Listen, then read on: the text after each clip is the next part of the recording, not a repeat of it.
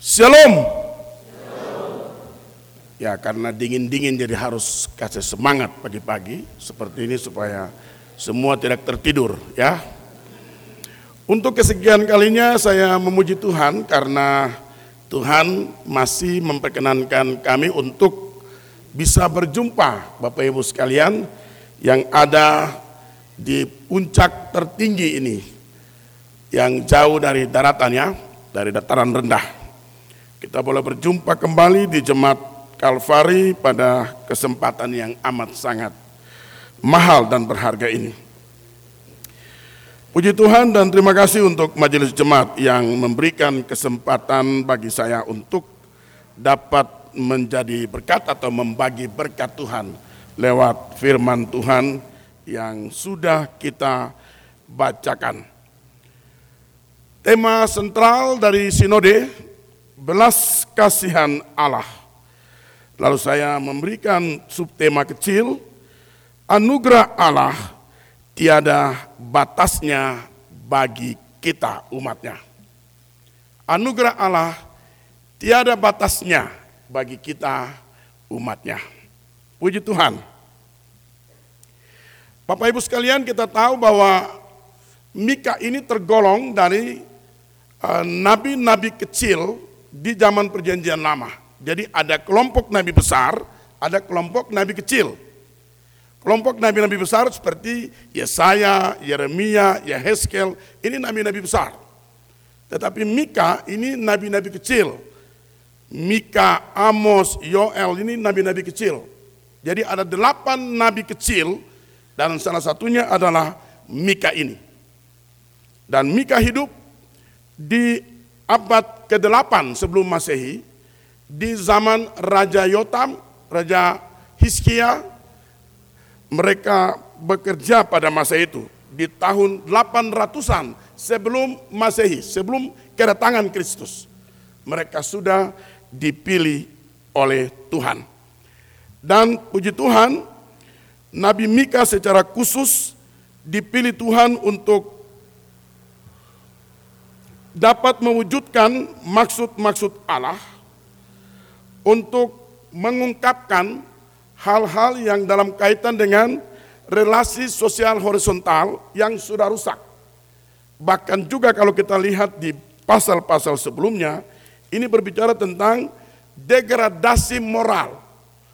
Artinya penurunan secara drastis nilai-nilai moralitas bangsa. Kehidupan yang sudah tidak lagi menyenangkan hati Tuhan keadilan sudah tidak lagi didapatkan dan banyak sekali terjadi kekacauan-kekacauan di sana sini. Bahkan pada masa Nabi Mika hidup, ini terjadi sebuah krisis horizontal antara kerajaan utara dan kerajaan selatan. Yehuda dan Samaria.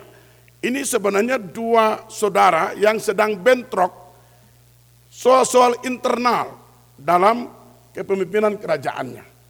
Dan di tengah-tengah situasi kemerosotan moral manusia pada masanya, maka Allah memilih Nabi Mika termasuk salah satu nabi yang vokal untuk menyatakan kebenaran dan menyatakan hal-hal yang akan membawa umat Allah tidak lagi hidup dalam kemerosotan moralnya, imannya yang sudah tidak lagi memuliakan Tuhan ini harus kembali kepada jalan Tuhan.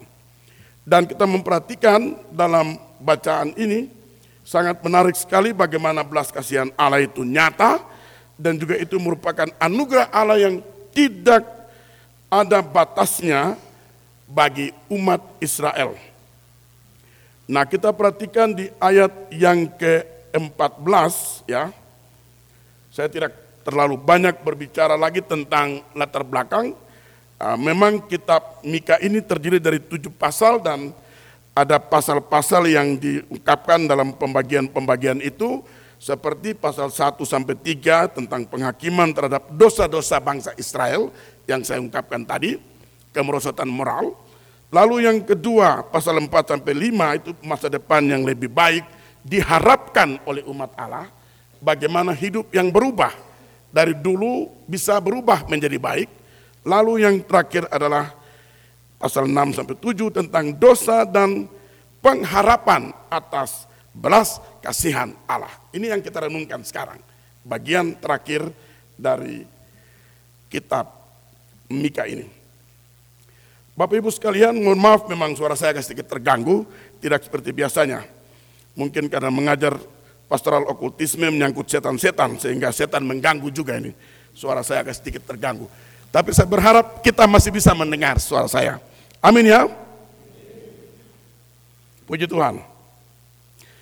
Yang paling terkenal dari kitab Musa apa? Kitab Mika apa?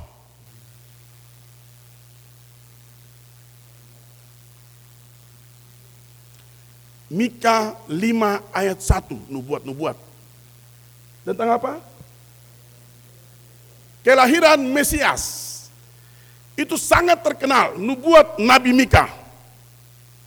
Bayangkan ratusan tahun sebelum Mesias lahir dari keturunan Daud, Nabi Mika sudah menubuatkan bahwa akan datang seorang Mesias dari keturunan Daud. Lahir di Bethlehem. Sangat luar biasa, Mika 5 ayat 1 dan 2 kita bisa lihat. Itu mengungkapkan tentang betapa hebatnya Yesus Kristus Mesias yang akan datang untuk menyelamatkan umat manusia dari segala dosanya. Nah, ini dia kita lihat beberapa hal penting dari tema kita ini. Saya melihat memang saya ada menulis sekitar 8 hal tapi saya mau kurangi sedikit. Tidak apa-apa biar kita SPJ singkat padat jelas. Pertama itu gambaran figuratif ya, tentang pemimpin itu dipakai dengan istilah tongkat ya. Kita lihat di ayat 14 ya.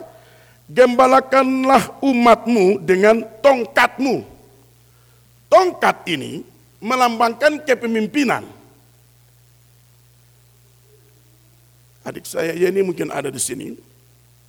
Sewaktu kecil, saya punya bapak pelihara kambing. Dan saya gembalanya. Saya tidak tahu akhirnya saya jadi pendeta.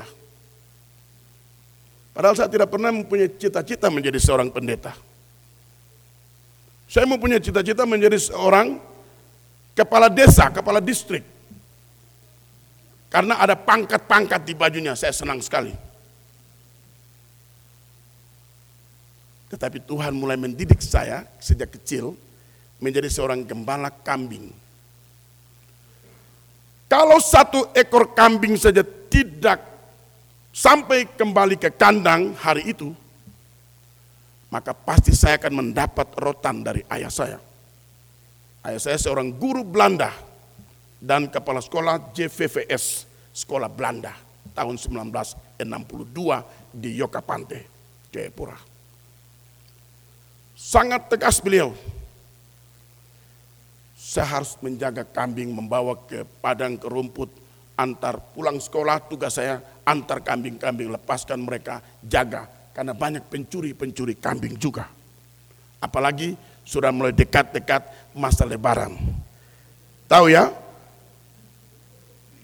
Saudara-saudara kita dari Ismail punya hari raya, maka kakak-kakak ini jadi korban.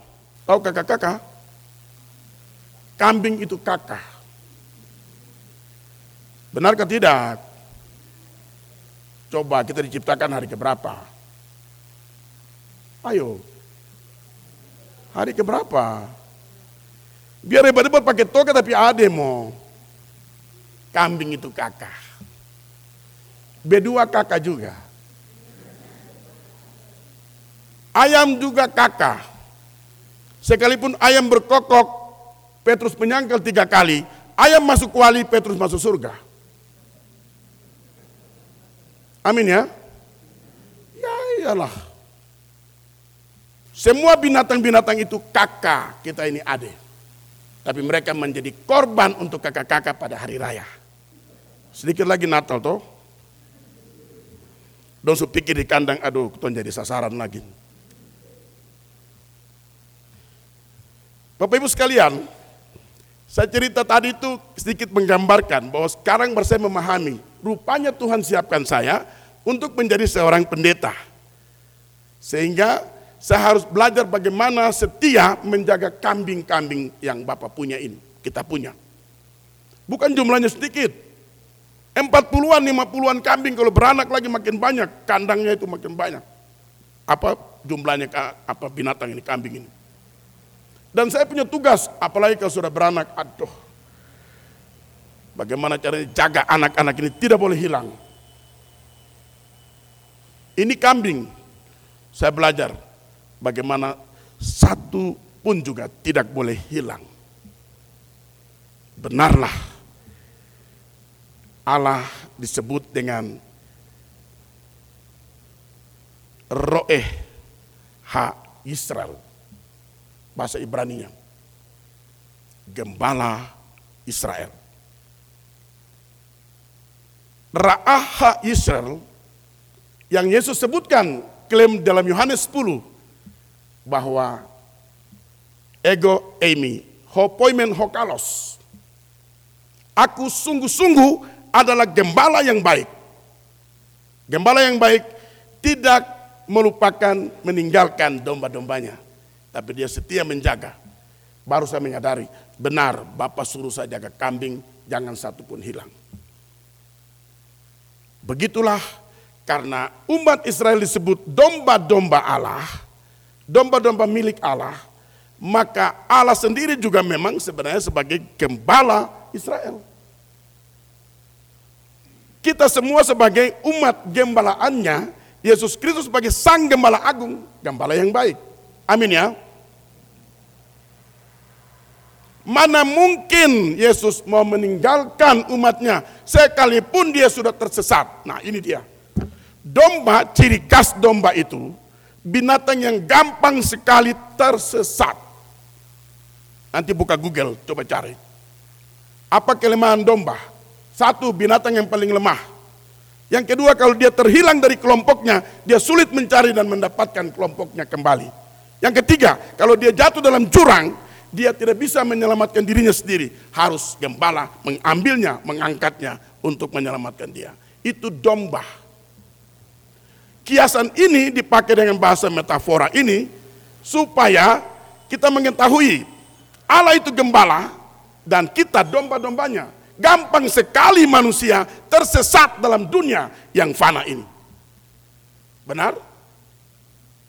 Benar? Saya pikir jawabannya salah.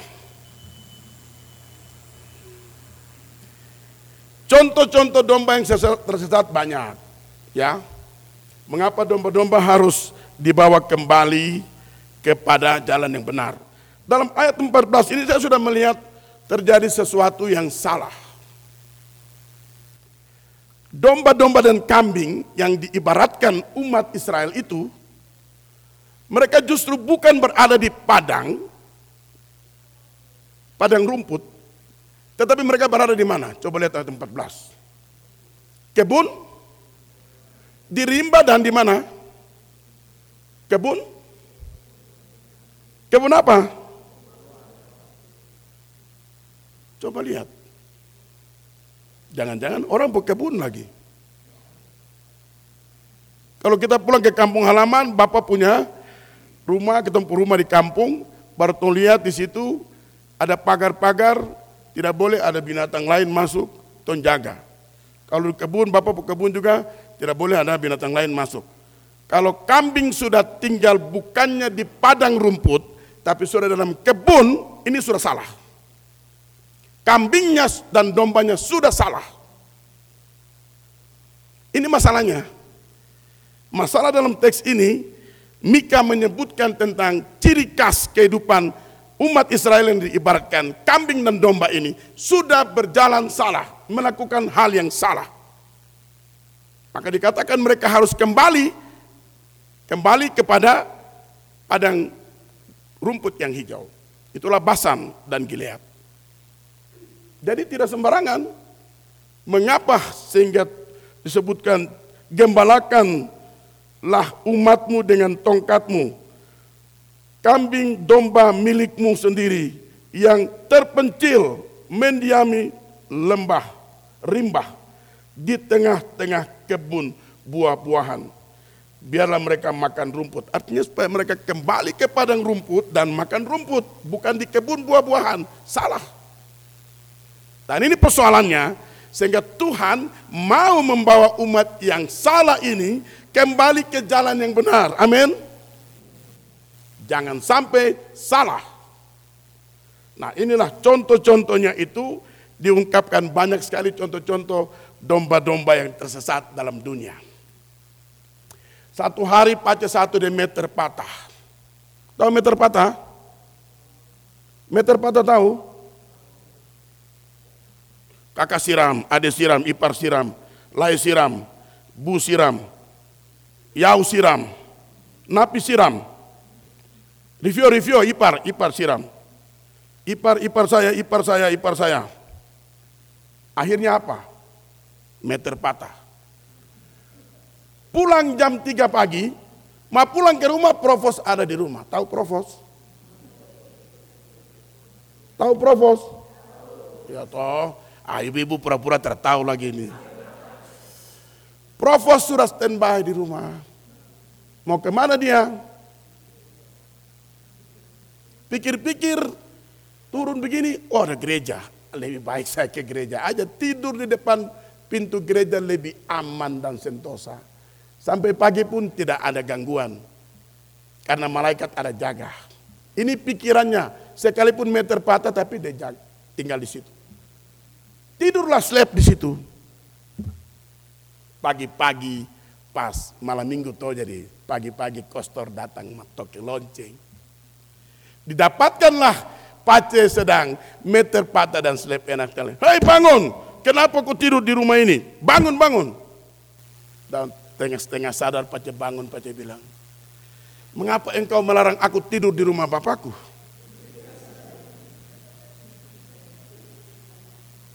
Kostor telah hilang akal. Kostor bilang, apakah engkau Mesias? Lalu Pace balik bilang, engkaulah yang mengatakannya. Karena sudah tersesat, tidurlah dia di pintu gereja, depan pintu gereja karena takut bahaya, lebih baik aman di situ. Datanglah kostor, maka terjadilah masalah tadi itu. Wah, inilah ciri domba yang tersesat. Yang kedua, dua orang sudah meter patah, tidur dalam got. Maaf ya, ipar-ipar jangan sampai tersinggung. Ini saya bilang di Tembagapura, di luar di jemaat lain. Sudah tidur dalam got, rasa macam tidur di kasur yang empuk. Bayangkan, karena apa? Yanti, yance, apalagi yang tipis, yang tinggi, yang ceper, apalagi Milo minuman lokal, Mito minuman toko, masuk semua. Sampai terakhir Aduh ini yang satu tegur dorang, kenapa kamu sebut minuman-minuman dengan nama yang satu ini lagi? Yesus. Jennifer soda susu. Saya bilang hentikan, segera hentikan. Jennifer soda susu, aduh. Ini pacar besar marah ini. Begitu dua bangun kaget matahari picah. Tahu matahari picah ya? Macam hari ini karena pendeta datang matahari picah toh? Apa karena pendeta datang jam matahari atau karena kuasa Tuhan ya toh? Amin ya. Yang satu bilang, Pace, ini matahari ke bulan? Pace bilang, ah ini matahari. Ah, saya yakin ini tadi malam tuan tidur belum, ini pasti bulan ini. Sunai gini. Telah lama daeng ikan lewat. Weh, daeng bar dulu. Sama tanya dulu sini daeng. Ini matahari ke bulan. Daeng bilang, aduh maaf saya juga orang baru nanti tanya orang lain. Kalabur semua toh. Itulah ciri-ciri orang yang sudah tersesat. Contoh lain orang tersesat. Pagi hari bangun pagi, yang ditanya apa? Bapak, nak bawa Alkitab dulu kita mau sembahyang. Begitu? Nak, tolong HP mama nak. Nak, tolong HP papa. Kalau di Jayapura tak ada. John, tolong dulu, pinang satu tumpuk. Bangun pagi sudah cari pinang. Mama kopi. Belum berdoa lagi. Bukankah ini ciri-ciri manusia sudah tersesat? Yang benar adalah apa? Bangun pagi kita apa? Baca al Baca apa? Benar atau tidak? Tidakkah benar? Terus lama-lama, satu ayat cukup satu menit, Tuhan tahu. Ketong ada kerja. Tapi ingat, firmanmu pelita bagi kakiku dan terang bagi jalan. jalan. Kalau tidak baca firman, kita bisa tersesat dalam dunia ini. Dan sangat fatal. Karena dunia ini sedang gelap. Oleh karena itu perlu membaca firman Allah, berdoa menyerahkan hidup, apalagi di medan seperti kita, sangat penting ketergantungan kita pada Allah. Amin ya. Banyak sekali contoh-contoh tapi ya nanti sudah lain kali. Kalau saya sampaikan semua nanti saya terus datang lagi. Cukup dulu ya. Anak-anak pun bisa tersesat. Tanpa kita sadari orang tua. Nak, lagi bikin apa? Oh, lagi kerja tugas, Pak. Mak, jangan ganggu ya. Harus cek mereka. Betul kerja tugas atau online yang lain.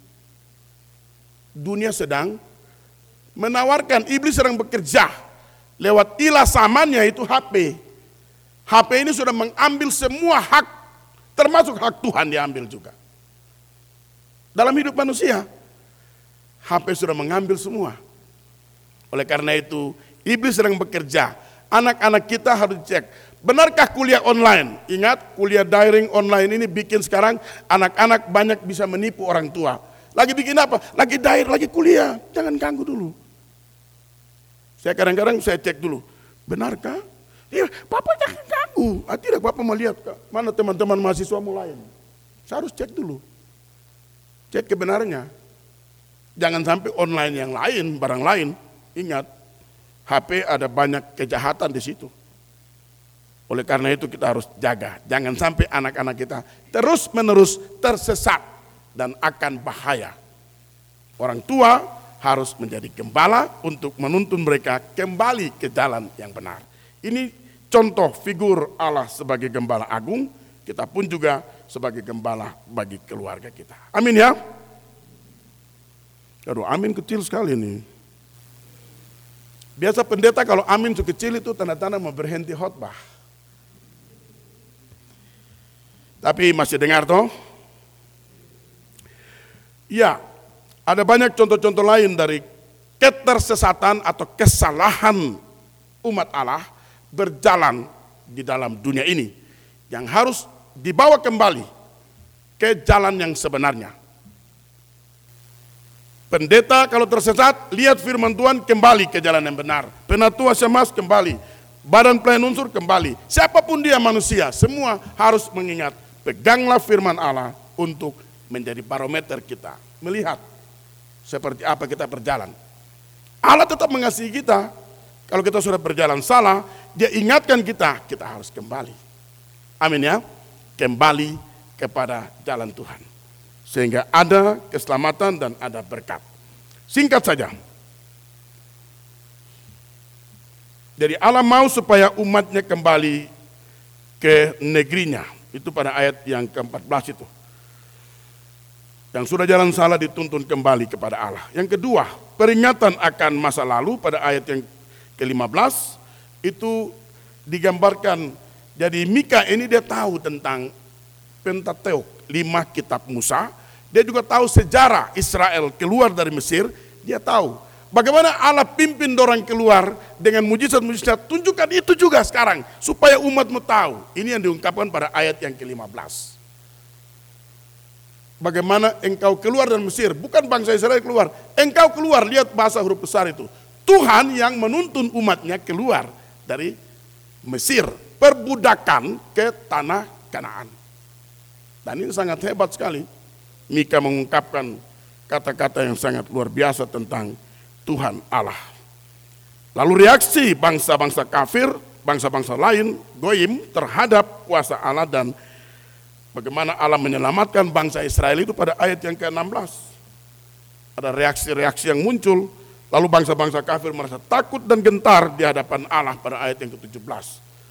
Tidak ada kuasa lebih hebat daripada kuasa Allah, yaitu kuasa yang luar biasa, yang supranatural, tidak bisa dilawan oleh kuasa lain. Nah, sifat kasih dan pengampunan Allah itu yang penuh belas kasihan dan kesabaran selalu setia dalam kasihnya, lalu janji Allah untuk mengampuni atau pengampunan dosa dan melemparkan ke dalam tubir-tubir laut. Itu adalah saya sebut dengan subtema kita, anugerah Allah tidak ada batasnya bagi umat Allah. Saya sering kali memakai ini sebagai ayat untuk uh, berita keampunan dosa. Kalau sekarang sudah dibuat paten dalam liturgi, sehingga kita kadang-kadang mendengar karena begitu besar kasih Allah dan seterusnya. Tetapi ada banyak ayat-ayat dalam Alkitab yang bisa menjadi referensi untuk kita mengungkapkan bagaimana berita anugerah pengampunan dosa. Ini salah satunya, Mika 7 ayat 18 dan 19. Siapakah Allah seperti engkau yang mengampuni dosa dan yang memaafkan pelanggaran dari sisa-sisa miliknya sendiri?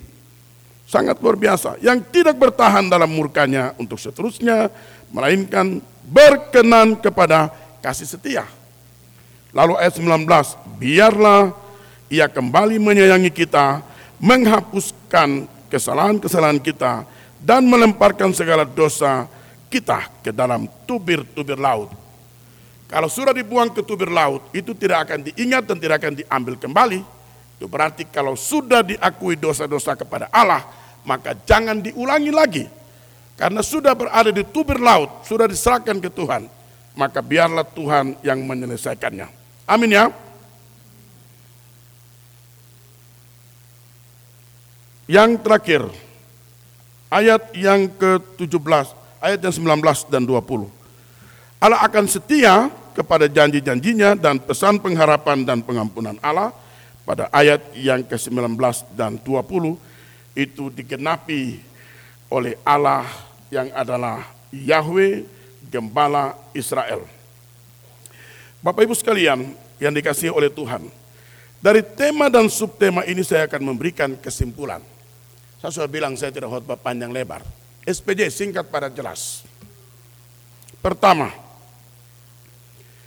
Allah adalah gembala Israel bagi umatnya, umat Israel. Dan dalam kasih Allah, dia tidak akan membiarkan umatnya tersesat dan binasa. Maka dia selalu dan selalu akan menolong, menuntun dengan tongkat sang gembala, dia membawa umatnya kembali dari jalan yang salah ke jalan yang benar. Kedua, Yesus Kristus adalah sang gembala yang baik dalam zaman perjanjian baru. Dialah Allah kita yang telah berkorban untuk menyelamatkan umatnya dari segala dosa oleh karena korban Yesus Kristus sebagai anak domba yang satu-satunya, maka hari ini kita umat Allah tidak perlu mempersembahkan korban hewan untuk penghapus dosa, tapi cukuplah kita mengucap syukur ketika belas kasihan Allah itu kita terima, anugerah Allah yang tiada batasnya kita dapatkan, maka kita mengucap syukur untuk apa yang telah Allah buat bagi kita sebagai umat kesayangannya. Yang ketiga, umat Allah di zaman perjanjian lama dan kita sebagai umat Kristen adalah Israel di perjanjian baru. Kita disebut domba-domba Allah. Maka dalam keterbatasan, kelemahan kita, kehilafan kita, bahkan kesalahan dan dosa kita. Allah selalu berusaha dan dengan setia akan menuntun kita, membawa kita, mengingatkan kita untuk selalu ingat hidup yang benar harus terus dijaga dan datanglah terus kepada Tuhan dan hidup dalam jalan yang benar sesuai dengan petunjuk-petunjuk firman Allah. Yang terakhir, belas kasihan Allah adalah anugerah Allah yang tidak ada batasnya. Oleh karena itu kita harus hidup dalam belas kasihan Allah. Tema ini akan disampaikan oleh teman pendeta saya sebentar malam. Bu Pendeta Debi akan sampaikan tentang hidup dalam belas kasihan Allah. Bagaimana kita hidup dalam belas kasihan Allah? Ketika kita sudah diselamatkan oleh Allah, maka kita juga harus menyelamatkan orang lain atau teman kita, keluarga kita, saudara-saudara kita dalam misi penyelamatan Allah. Sebagai penatua, syamas, pendeta, badan pelayan unsur, kita adalah gembala-gembala. Sebagai representasi Allah, yang adalah gembala agung. Maka peran penggembalaan itu harus kita laksanakan dalam berbagai tugas tanggung jawab secara struktural yang telah diatur dalam job description, uraian tugas gereja. Maka kita akan terus menata layani gereja ini dengan tetap berpegang teguh pada tugas jabatan kita, panggilan kita sebagai gembala gembala umatnya. Oleh karena itu, teruslah setia di jalan yang benar, hidup dalam belas kasihan Allah, anugerah Allah yang tak ada batasnya bagi kita umat Allah. Maka bersyukurlah untuk apa yang telah ia lakukan untuk kita sekalian. Tuhan Allah dalam Yesus Kristus memberkati kita sekalian dan memberkati firman-Nya. Amin.